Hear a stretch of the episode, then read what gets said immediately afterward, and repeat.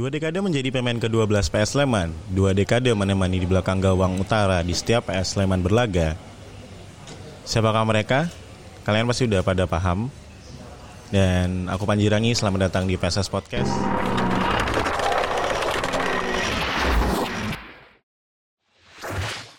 Halo Mas Rengga, Halo Mas Panji. gimana kabarnya? Alhamdulillah baik. Alhamdulillah baik ya, walaupun tidak ada sepak bola, Ya. walaupun kita sedikit lesu, cuma Bingung mau ngapain nih Mas? bingung mau ngapain kayak sebenarnya kalau mungkin pekerjaan kita masih bekerja tapi kayak Iya. kayak pengangguran aja kalau nggak ada sepak bola Ada bagian hidup yang hilang. bener dan itu juga mungkin terjadi sama seluruh pendukung PSS Iya. di mana pun mereka berada tapi kali ini kita akan lebih banyak ngobrolin tentu saja Slemania Siap. Salam satu hati Slemania. dan aku pribadi sangat eh, mengingat banget banner musim lalu di pertandingan terakhir melawan Tira Persikabo Hmm. thanks for Great season. The Great Season Eh, itu setelah kita melewati atau beradaptasi dengan satu musim di Liga 1 yang kita kayak seperti babat alas nggak Iya. tahu apa yang terjadi di Liga 1 dan Mas Rengga boleh dong em, apa ya mungkin seperti memperkenalkan diri gitu walaupun mungkin Siap. untuk teman-teman Slemania udah banyak yang ngerti Mas Rengga nih Nah, untuk sama teman Sleman fans nih biar pada tahu nih siapa sih Mas Rengga nih gitu kan Ya. monggo Mas Oke. Perkenalkan nama saya Rengga Dian. Di sini saya sebagai ditunjuk sebagai Ketua Umum Slemania musim kompetisi 2020-2022. Oke, jadi se- sebagai ketua umum sampai 2000 22. 2022 gitu. Iya. Nah, kalau untuk eh, jabatan tersebut berlaku selama berapa lama, Mas? Kalau boleh tahu? Jabatan Ketua Umum itu berlaku tiga musim kompetisi. Tiga musim kompetisi. Iya, jadi musim kompetisi 2020 sampai musim kompetisi 2022. Oke, dan nanti setelah 2022 akan ada pemilihan Pergantian kembali. iya. Dan apakah itu eh, hanya maksudku gini, misalnya Mas Rengga 2020 2022 eh, selesai. Terus untuk pemilihan umum lagi bisa ikut lagi. Bisa ikut lagi. Oke. Kalau di istilahnya dipercaya lagi, bisa ikut lagi. Oke, itu berarti sampai dua kali pemilihan atau bebas? Bebas, Oke. bebas masih bebas. Nah, Mas, untuk ADART-nya sendiri ada nggak sih Mas di Sleman itu? Ada, ada RT, ada. Oke. Nah, eh, mungkin banyak yang belum paham nih Mm-mm. kegunaan ADART itu untuk eh, organisasi supporter itu apa? Mungkin Mas Rengga bisa jelasin. Ya ADRT itu kalau bahasa awamnya itu sebagai pagar lah. Hmm. Pagar biar supporter itu eh, melaksanakan tugasnya itu. Jangan sampai di luar itu seperti itu. Jadi tugas supporter itu mendukung PSS Sleman. Nah ADRT itu itu adalah sesuatu yang menjaga biar kita itu tetap mendukung PSS Sleman jangan sampai keluar dari itu seperti itu. Oke, Nah, udah kemudian di- eh, juga sempat disebutkan sebagai ketua umum Slemania Ya. hari ini gitu.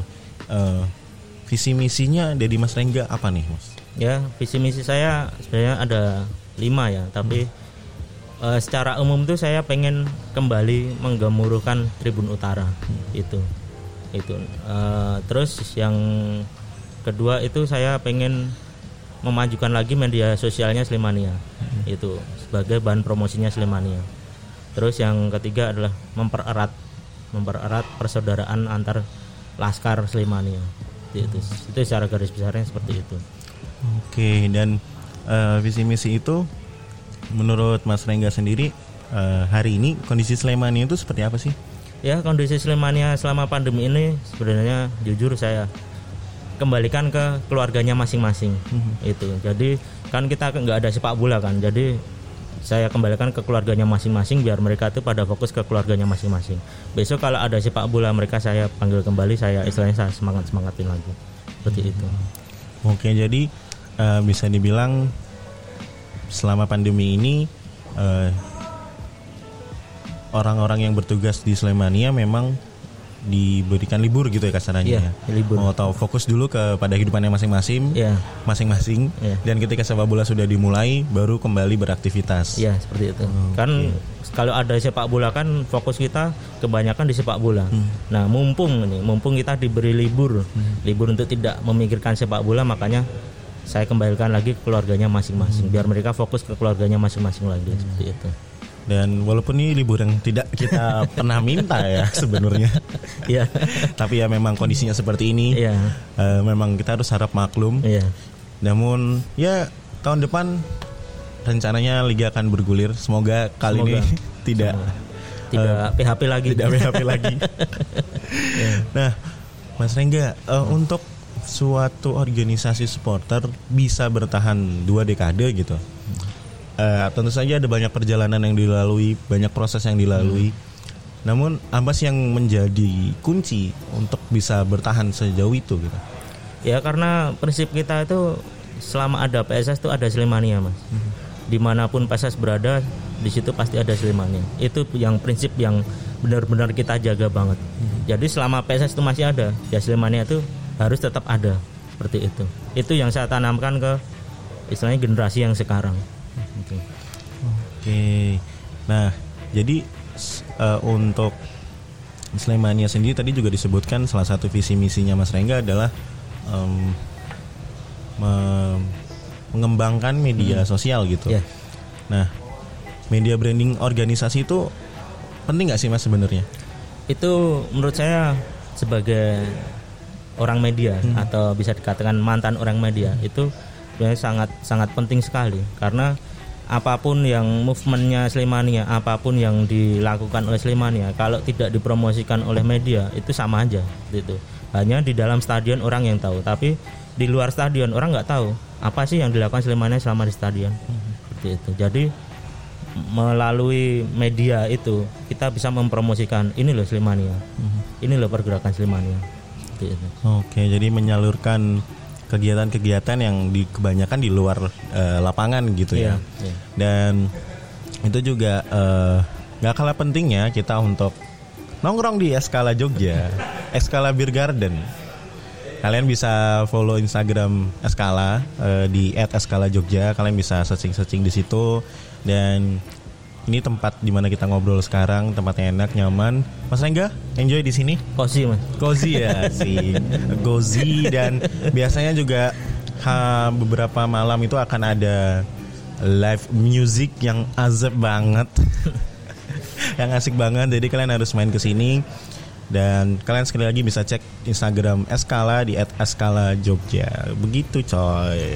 Begitu man. Baiklah mari kita lanjut lagi ngomongin eh, masih seputaran media Slemania gitu. Dan kalau tidak salah juga membuat podcast. Ya dan aku pribadi sangat senang karena akhirnya eh, pertama tentu saja podcast tidak dipandang sebelah mata lagi Iya. eh, sebagai media memberikan informasi ya maksudku. Eh, dan artinya Slemania punya podcast, kemudian Becas punya podcast, terus media komunitas seperti El Jarido punya podcast, klubnya sendiri punya podcast gitu. Eh, banyak informasi yang bisa disebarkan dan itu pasannya sendiri-sendiri Mas Rengga, eh, kenapa sih Slemania pengen bikin podcast itu? Eh, sorry, Slemania kenapa sudah bikin podcast tuh? Iya. Alasannya apa tuh?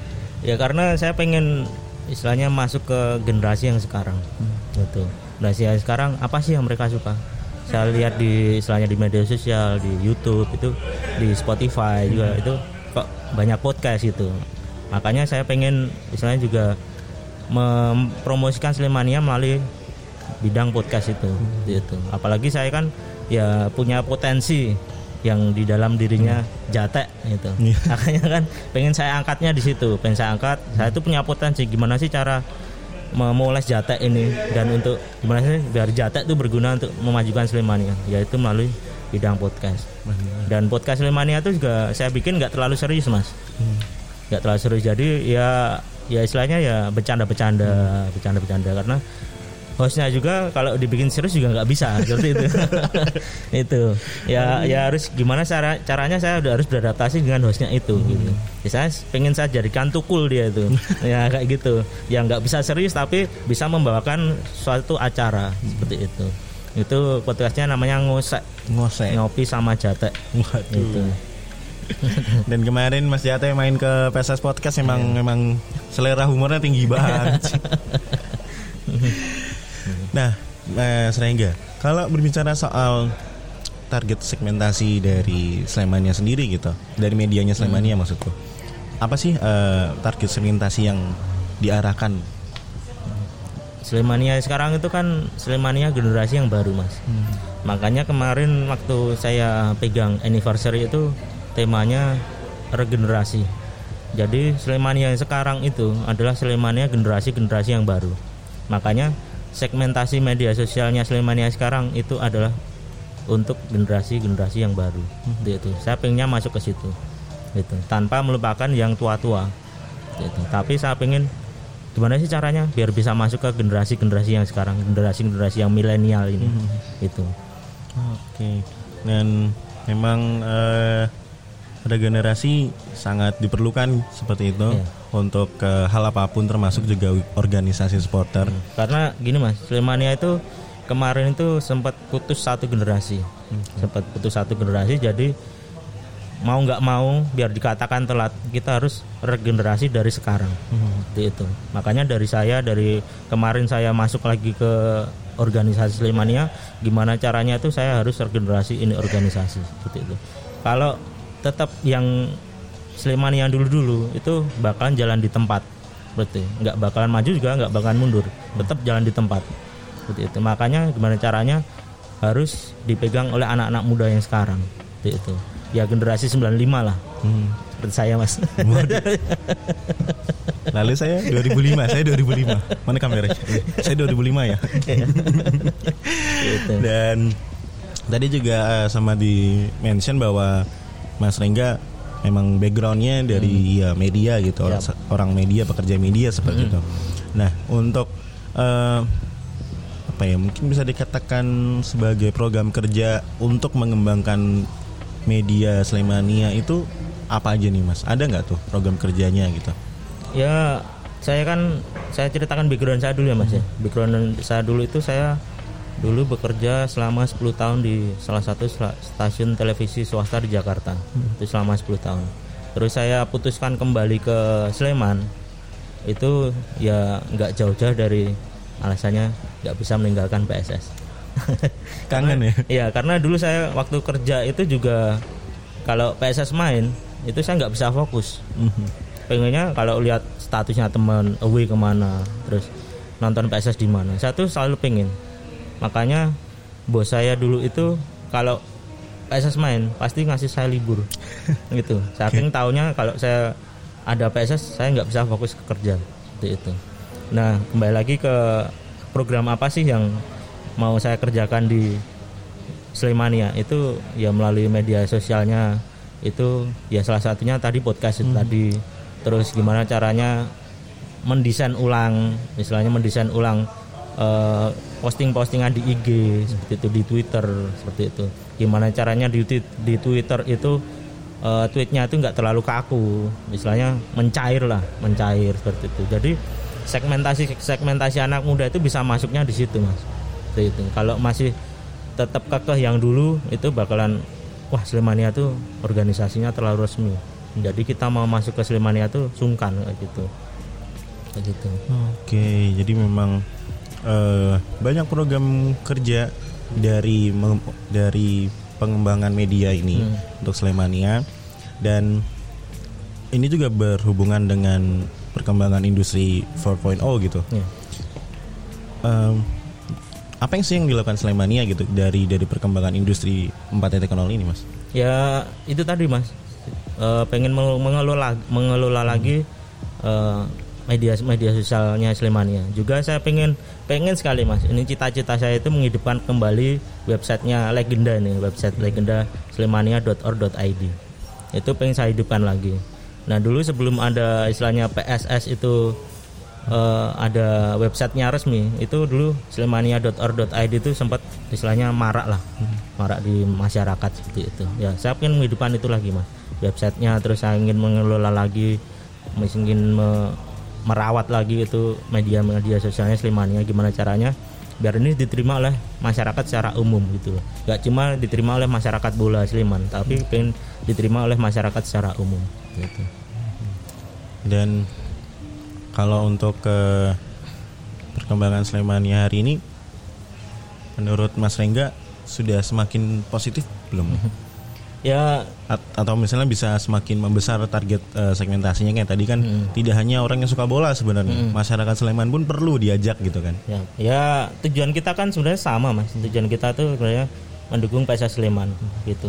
Makanya ya Slemania itu gimana apa caranya itu selalu masih ada gitu loh. Makanya ya gimana sih caranya mena ya kalau supporter besar itu kan dilihat dari kalau orang awam itu kan dilihat dari jumlah masanya kan mas.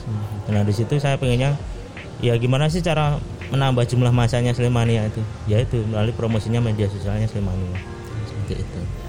oke nah ini Mas Rengga pesan-pesan apa nih yang mungkin bisa disampaikan oleh Mas Rengga nih untuk mungkin eh, anggota-anggota Slemania yang lawas ataupun yang eh, Sleman fans yang ada di luar kota sana Oke, itu Slemania lawas itu ya istilahnya ayolah lagi kita istilahnya merawat lagi rumah kita, rumah tua kita, rumah tua yang sudah usang gimana caranya kita rawat lagi, kita perbagus lagi rumah tua kita itu yang bernama Slemania ini.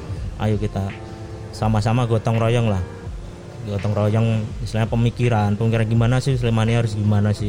Itu saya masih butuh istilahnya pemikiran-pemikiran dari Slemania Slemania yang lawas karena saya merasa masih Slemania generasi yang baru kan mas.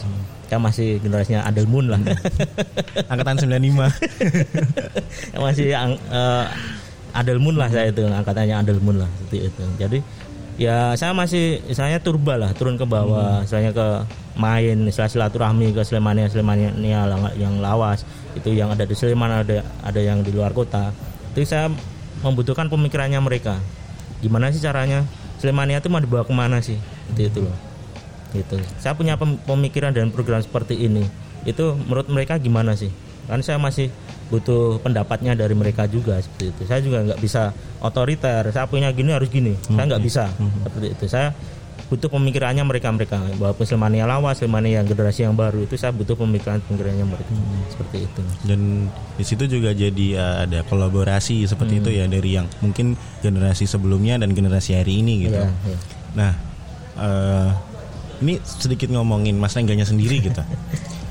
Beban nggak sih Mas jadi ketua umum Slemania gitu? saya sih apa ya mengalir aja sih mas mengalir. Saya nikmatin lah setiap apa pun pekerjaan saya itu selalu saya nikmatin. Yang penting saya itu nyaman dulu mas. Yang penting saya itu nyaman. Kalau sudah saya udah nyaman kerjaan saya itu pasti maksimal. Seperti itu. Kalau masalah beban tuh juga beban. Saya kepercayaan orang itu beban mas. Tapi gimana caranya beban itu untuk motivasi diri saya sendiri? Gimana caranya saya bisa menjalankan visi misi saya itu? Seperti itu. Kalau saya nggak punya istilahnya nggak punya beban berarti saya nggak punya tanggung jawab. Seperti itu. Makanya gunanya beban untuk saya itu ya untuk memotivasi saya biar saya itu tetap bertanggung jawab menjalankan gimana caranya tuh visi misi saya itu tetap berjalan untuk kemajuan Slemania Seperti itu. Itu. Jadi memang eh, tepat ya teman-teman Slemania memilih Mas Rengga.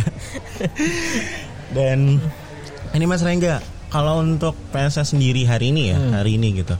eh, apa sih harapannya Mas Rengga pribadi sebagai pendukung PSS dan tentu saja sebagai ketua umum Slemania gitu melihat PSS hari ini tuh apakah ingin menuju ke Liga Asia atau kita harus juara di Liga Indonesia atau apa nih harapannya? Ya. Kemarin saya sempat berkomunikasi dengan BOD PSS Pak Marco.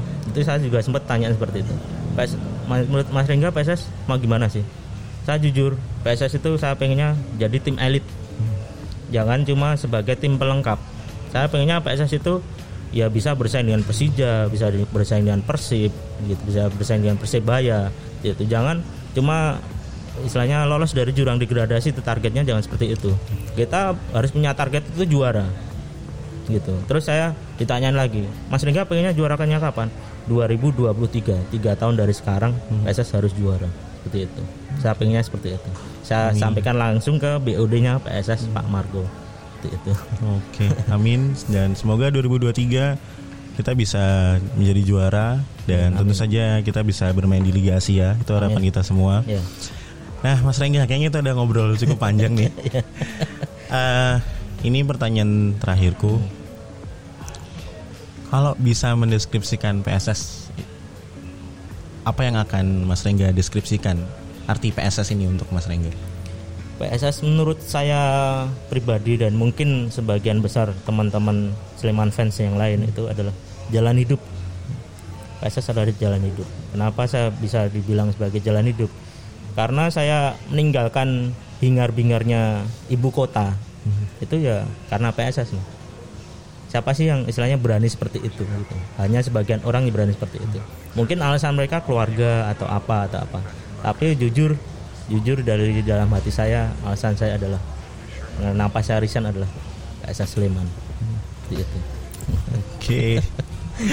Baik Mas, terima kasih atas waktunya. Siap, siap. Sudah mau main ke PSS Podcast. Siap. Dan terima kasih juga buat Eskala Jogja. Kalian bisa searching di Instagramnya @eskala_jogja. Dan tentu saja terima kasih buat kamu-kamu Sleman fans yang sudah menyaksikan episode ini dan jangan lupa untuk saksikan episode lainnya dari PSS Podcast. Aku Panji Rangi menutup episode kali ini. This is Story of Super Elja. Ciao.